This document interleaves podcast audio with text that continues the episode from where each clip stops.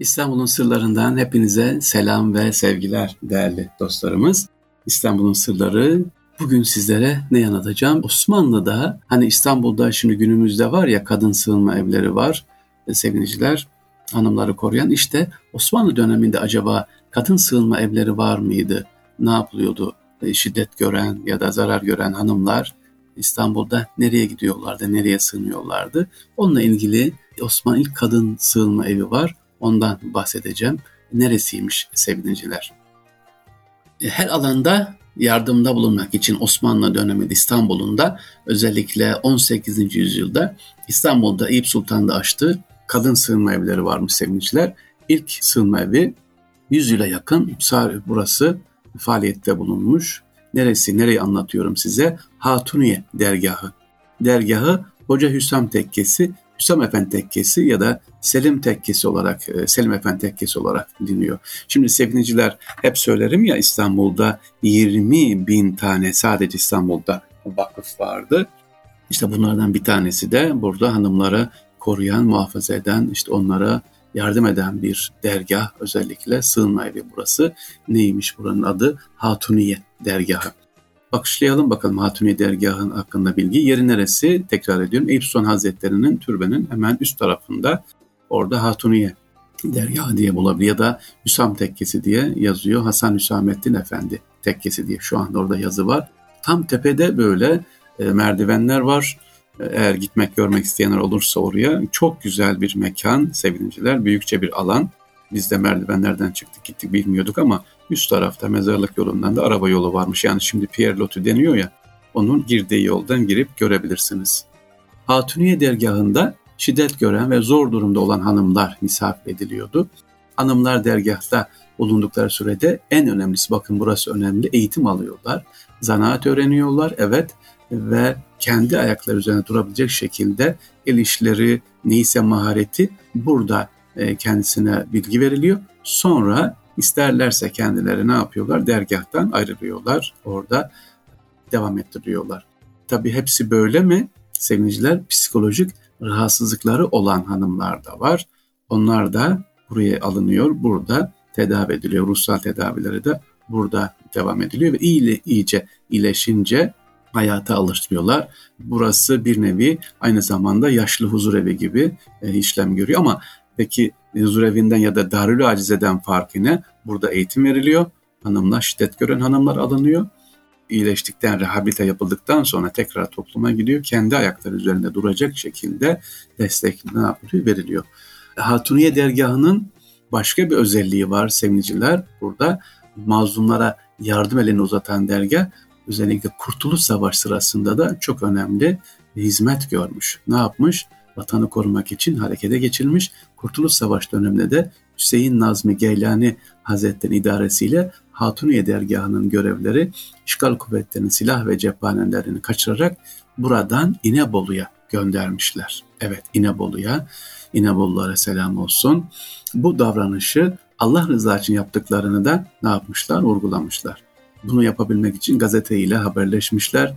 Gazetenin içine yazmışlar emirleri veya planı gazeteyi alan kişi de okuduktan sonra tekrar veriyormuş. Cevabıyla efendim böyle bir e, not da ekleyeyim ben size. Hatuniye dergahı tekrar ediyorum. Eyüp Sultan'da şu anda gidip görülebilir camisi de var. Biraz da bilgi verelim. Hacı Hüsamettin kimdir? 18. yüzyılın başların Hoca Hüsamettin tarafından yapıldı ve bir süre e, burası dediğim gibi sığınma evi kullanılıyor. Önceden bir Mevlevi tekkesi iken 16. yüzyılda ise Bektaşilerin kaldığı bir ibadethane imiş burası sevgiliciler.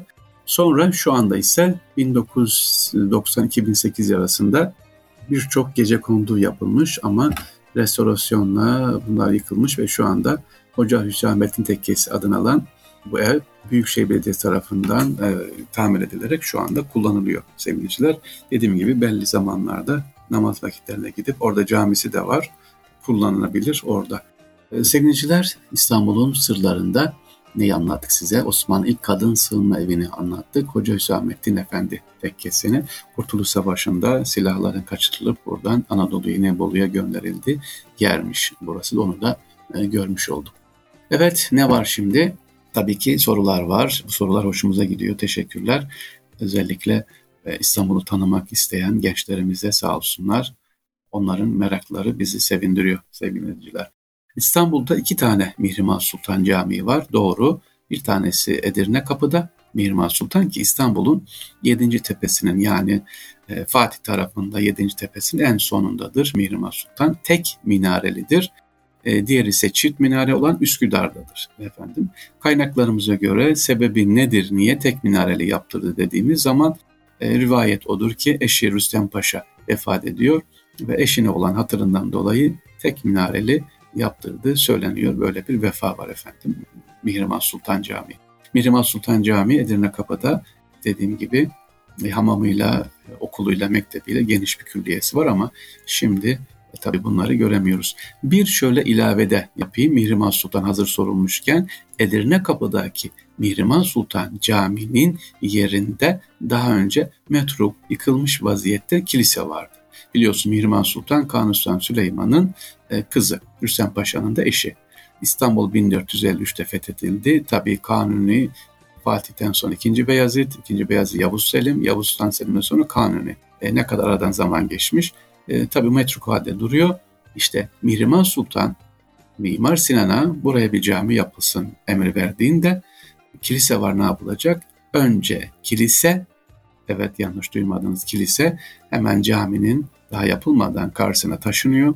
Oraya kilise yeri veriliyor, kilise yapılıyor. Sonra Mihrimah Sultan Camii ne yapılıyor? İnşa ediliyor. Bu da işte sevinçler önce orada eğer varsa e, ibadet edecekler, gelecekler. Yok etme yok. Bugün Balkanlarda görüyoruz. Birçok Osmanlı eseri maalesef yıkılıyor. Osmanlı izi kalmasın diye ama e, biz ne yapıyoruz bu şekilde? Çünkü o da bir emanet, o da bir tarih.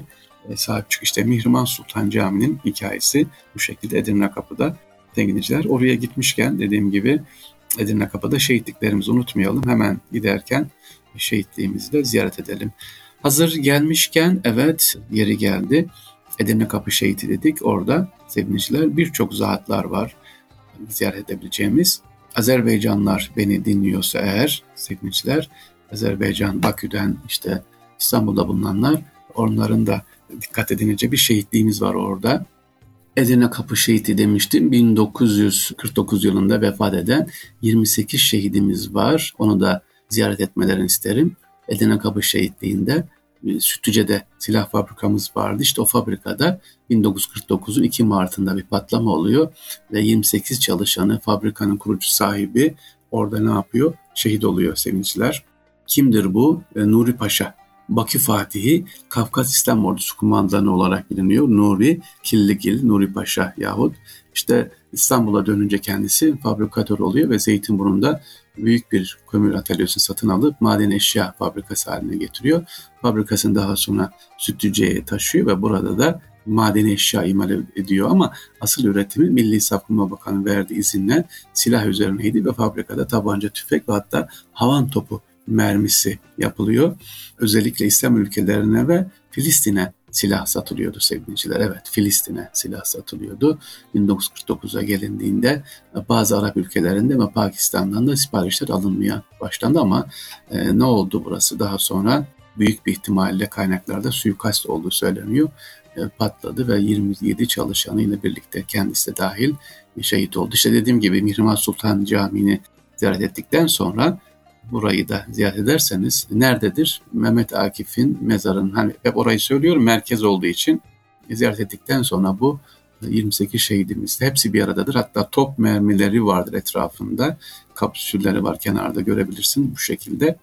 E, niye Azerbaycan diyorum? Kendisi Bakü Fatihi olarak Kafkas İslam Ordusu kumandanı olarak bilindiği için sevgiliciler. Evet İstanbul'un sırlarında bugünlük bu kadar diyoruz efendim. Ee, inşallah sevgiliciler Sorularınız olursa bekleriz. Adım adım İstanbul'u beraber gezelim diyoruz. Allah'a emanet olun efendim. Kolay gelsin. Tekrar görüşmek üzere. Ha fotoğraf tabii ki yollayabilirsiniz. sarrafoglufahri.gmail.com veya Instagram'dan yollayabilirsiniz. Daha önce bahsetmiştim. Ee, bulunduğumuz yerde Osmanlı eserlerimiz varsa, e, ihya edilmesi gerekiyorsa bize söyleyin. Biz de yetkililere inşallah ulaştıralım sevgili dinciler. Teşekkürler efendim. Allah'a emanet olunuz.